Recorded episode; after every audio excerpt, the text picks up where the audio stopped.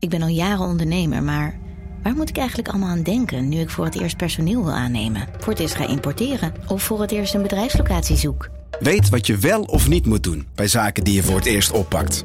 Check kvk.nl voor praktische stappenplannen. KVK, hou vast voor ondernemers.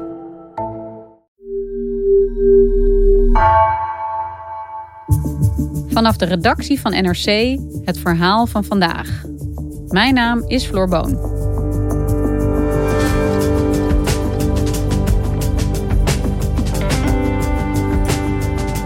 De Amerikaanse verkiezingen zijn voorbij. Joe Biden heeft gewonnen. Maar Donald Trump lijkt zijn plek in het Witte Huis niet zomaar te willen afstaan. Vorige zomer kwam een groep Republikeinen en Democraten bij elkaar om de mogelijke gevolgen van deze verkiezingsuitslag na te spelen. Ze schrokken. Hoe stabiel is de Amerikaanse democratie?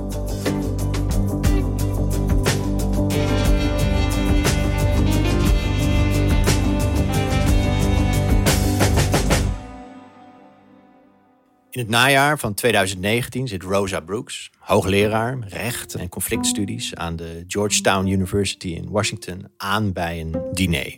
Marijn de Waal is buitenlandredacteur en schrijft over Amerika. En naast haar zit een federale rechter. En aan de andere kant zit een consultant van een groot bedrijf. En eh, het gesprek komt op de verkiezingen die dan in november 2020 zouden worden gehouden. En zij zegt, ja, wat zou er eigenlijk gebeuren als, als Trump verliest? Zou hij vrijwillig het Witte Huis verlaten? En uh, de rechter naast haar die zegt van, nou, dan grijpt het leger wel in. En de consultant aan de andere kant zegt, nee, dan escorteert de Secret Service hem er wel uit. En zij blijft toch zitten met vragen na dat uh, gesprekje. En ze vertelt daarover bij een lokaal radiostation. I think a lot of people have been wondering in the back of their minds for a few years now, you know, what would Donald Trump do if he lost? Would he leave? Or is he the kind of guy who would say, the election was stolen, I actually won, it's fake news that I lost, I'm staying? En ze besluit om een uh, Transition Integrity Project op te richten. Een soort werkgroep met experts die gaat verkennen wat er in die hele lange Amerikaanse transitie tussen verkiezingsdag en inauguratiedag, die elf weken duurt, allemaal kan gebeuren en misgaan. We had people who had worked for members of Congress at senior levels. We had people who had been members of Congress from both parties. We had journalists. We had people like uh, Bill Kristol uh, on the conservative side, uh, as well as, as people who had worked for big tech companies. Die komen allemaal bij elkaar en die besluiten zogenoemde war games te gaan spelen. Wargames, oorlogsspelen. Wat zijn dat? Dat zijn um, zogenoemde simulaties eigenlijk. Maar ze komen uit het leger, waarin uh, militairen ze gebruiken om niet zozeer de werkelijkheid te voorspellen, als wel te verkennen. En wat ze dus doen is scenario's uitspelen met verschillende teams. En op die manier verkennen wat voor onvoorziene scenario's je kan tegenkomen, bijvoorbeeld op het slagveld. En die transitie in Amerika, die benaderen ze dus eigenlijk als een soort slagveld waarin twee kampen tegenover elkaar kunnen komen te staan. En wat zijn dan de sterke en zwakke punten van de ene en het andere kamp? En steeds mocht het ene team een zet doen, dan mocht het andere team een tegenzet doen, weer het andere team een tegen tegenzet. En als er bijvoorbeeld een impasse ontstond, dan lieten ze een soort digitale dobbelsteen eh, rollen en dan uh, besliste die hoe de besluit verder genomen werd. En op die manier hebben ze dus vier scenario's nagespeeld. De, eerste is dat er een onduidelijke uitslag is op verkiezingsdag. De tweede is dat er een duidelijke winst is voor Biden. De derde is dat er een nipte winst is voor Trump, maar met miljoenen stemmen minder. En de vierde is dat er een nipte winst is voor Biden, waarna er gedoe ontstaat over die uitslag. Ja, en eigenlijk bij het verkennen van die verschillende scenario's, en elk scenario had verschillende, werd in verschillende spelen uitgewerkt, uh, schrokken ze eigenlijk van de verschillende zwakheden in het Amerikaanse democratisch systeem.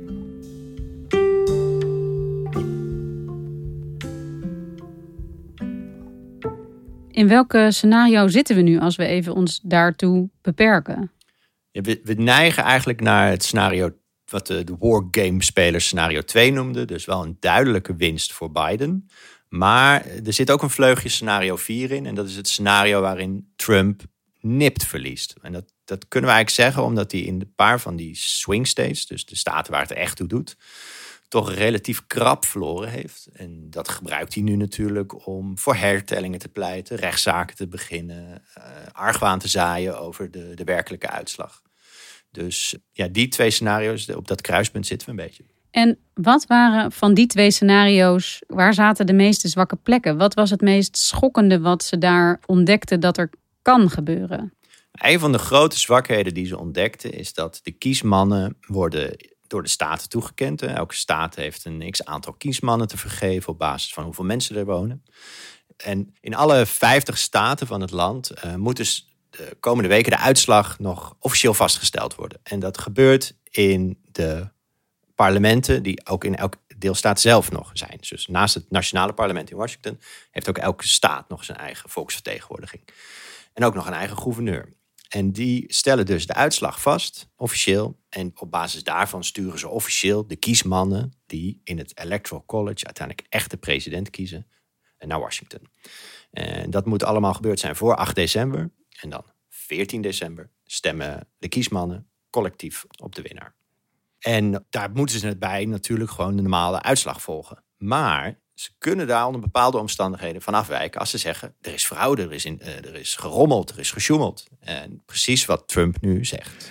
If you count the legal votes, I easily win. If you count the illegal votes, they can try to steal the election from us. If you count the votes that came in late. En wat gebeurt er dan? Nou, de kans bestaat dat de Republikeinen, omdat ze de volksvertegenwoordiging in een bepaalde staat domineren, besluiten om kiesmannen te sturen die niet op Biden stemmen, terwijl Biden wel in die staat gewonnen heeft, maar op Trump zullen gaan stemmen in dat kiescollege. En op die manier um, de pas afsnijden. Is dit wel eens gebeurd in het verleden? Kennen we dit scenario dat er andere kiesmannen naar Washington worden gestuurd dan waar de meerderheid van stemmen in een bepaalde staat toe heeft beslist? Ja, het is één keer eerder gebeurd, eind 19e eeuw. En toen is er ook een wet aangenomen om dat voortaan beter te regelen. Maar die wet is eigenlijk nooit goed getoetst. Er is daarna nooit een soort gelijk conflict geweest.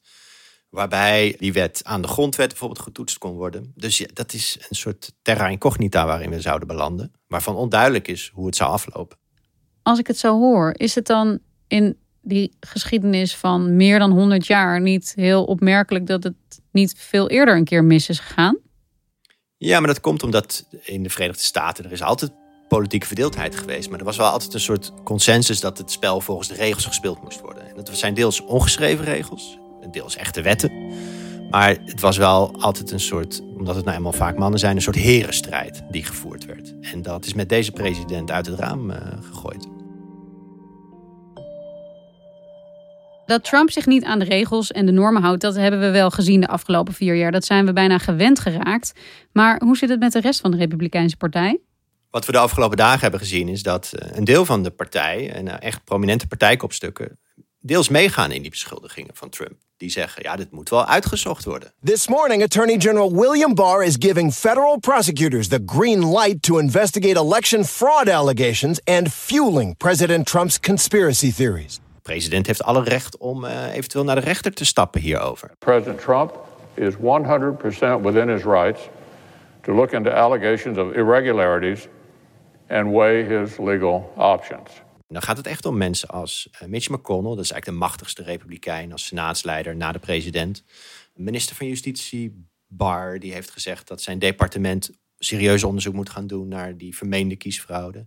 Dus er wordt eh, tot nu toe gaan ook de Republikeinen mee in die verdachtmakingen. Waarom doen die Republikeinen dit? Geloven ze in verkiezingsfraude of speelt er ook nog iets anders? Nou, een van de speculaties is dat ze dit doen vanwege de senaatsraces die nog in Georgia gehouden moeten worden. Daar is een tweede kiesronde nodig. Eh, die wordt eh, begin januari uitgevochten. En wie daar die twee senaatszetels wint, is, dat is heel belangrijk voor de verhoudingen in het congres uiteindelijk. En hoe ook Biden kan gaan regeren. Of dat een republikeinse meerderheid blijft zoals nu, of dat het een perfect gespleten senaat is, 50 om 50. Dus de machtsverhoudingen van het volgende presidentschap staan hiermee eigenlijk op het spel. Zien de Republikeinen dit als vooral een manier om die Senaat te behouden? Of is dit hoe de Republikeinse Partij zich op de lange termijn wil en zal gaan ontwikkelen? Nou, een van de vragen die je kan opwerpen is van... gaat het bijvoorbeeld Biden lukken, dat werd ook in die wargames uitgespeeld... gaat het hem lukken om bijvoorbeeld gematigde republikeinen, voor zover die er nog zijn... los te weken uit dat Trump-kamp? En op die manier een wicht te drijven tussen de, de pro-Trump-vleugel van de partij... en de gematigde minderheid binnen die partij. Dus dat is een spel wat zich uit kan spelen. En aan de andere kant, ja, Trump kan natuurlijk ook dit hele spektakel opgezet hebben, omdat hij een doorstart wil maken in de mediawereld. Daar wordt in die wargames ook op gespeculeerd dat hij MAGA TV of Trump TV wil lanceren. En dat moet een soort platform worden waar hij ook misschien wel aan zijn politieke comeback gaat werken richting 2024 voor hem of misschien een van zijn kinderen die dan kandidaat kan zijn. Dus het is heel erg de vraag of de partij daarin meegaat, hè, of die uh, met Trump in zee wil blijven gaan. Kijk, Trump heeft verloren, maar ze hebben wel een enorm aantal stemmen gehaald, 70 miljoen stemmen. Dus door de opkomst zo op te drijven, heeft Trump ook veel van zijn partijgenoten in de Senaat of het Huis, en op deelstaatniveau, geholpen. Dus een groot deel van de partij is nog lang niet klaar om van de Trump-trein te springen, zoals ze dat in Amerika noemen.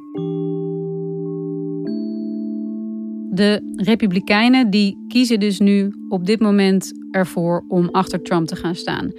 Misschien wel met als doel om die senaatsverkiezingen in Georgia te winnen begin januari. Maar de consequenties zijn natuurlijk veel verder strekkend. Dit betekent een grote ondermijning van de democratie. Nemen ze dat mee in hun overweging?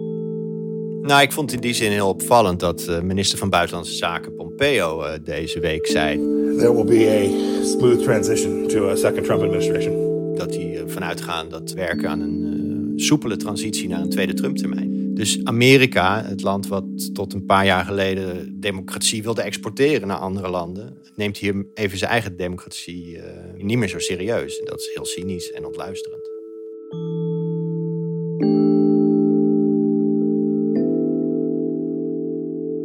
Als we hier zo over praten, dan denk ik toch gaat Trump wel vrijwillig het Witte Huis overdragen aan Joe Biden straks.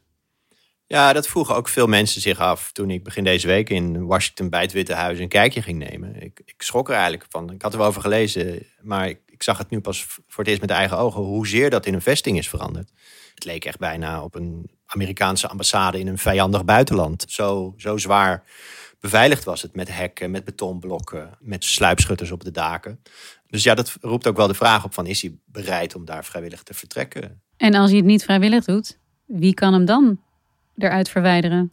In principe is dat de taak van de Secret Service, die ook de beveiliging van de, van de president voor zich neemt. Want die zal dan vanaf het middaguur de beveiliging van Biden op zich moeten nemen. En Biden heeft al gezegd, onze overheid is prima in staat om indringers uit het Witte Huis te begeleiden. Dus dat is de vraag. En in die wargames kwam bijvoorbeeld ook naar voren dat het leger bijvoorbeeld kan laten lekken dat zij zich aan de kant van Biden uh, scharen. En op die manier Trump laten weten: pak je biezen maar. Het leger. Gaat het leger ingrijpen in Amerika?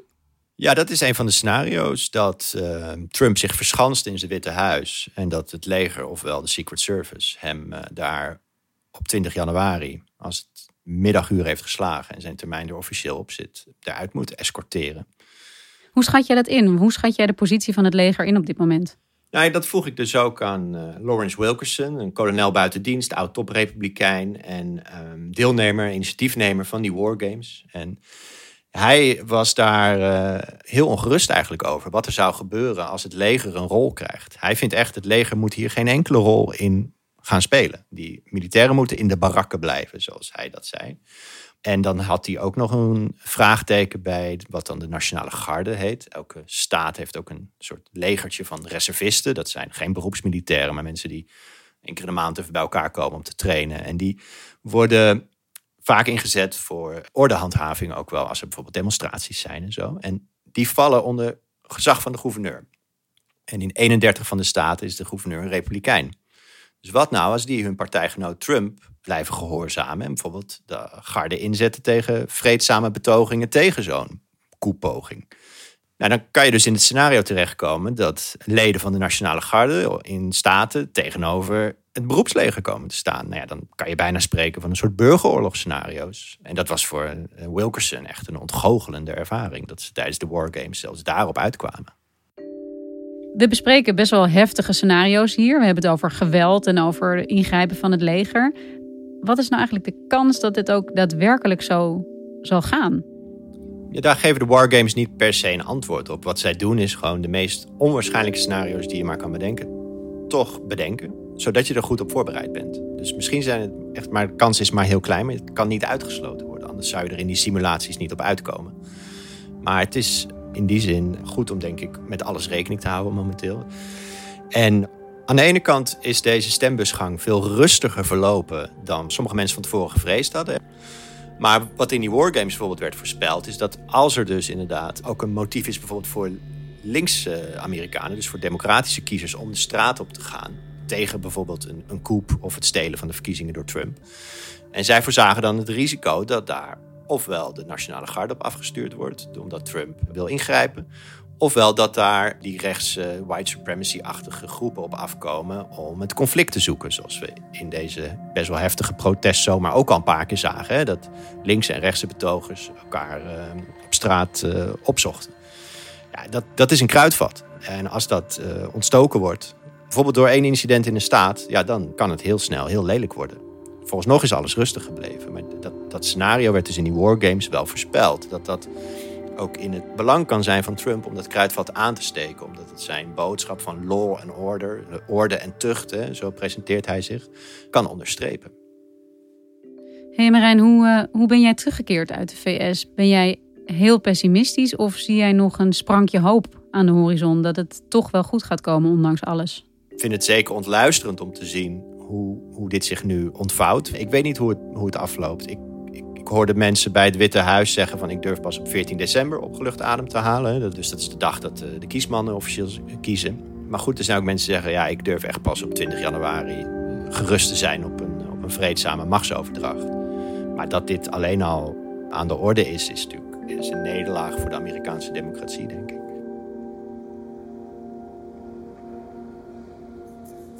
Dankjewel Marijn.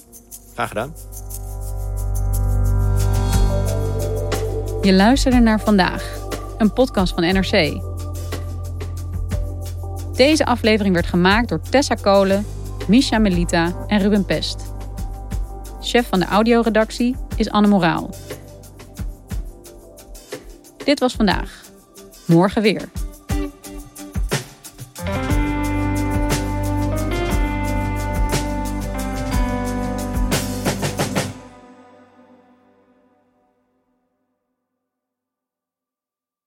Technologie lijkt tegenwoordig het antwoord op iedere uitdaging. Bij PwC zien we dit anders. Als we de potentie van technologie willen benutten, kunnen we niet zonder een menselijk perspectief. Human-led, tech-powered noemen we dat. Ga naar pwc.nl.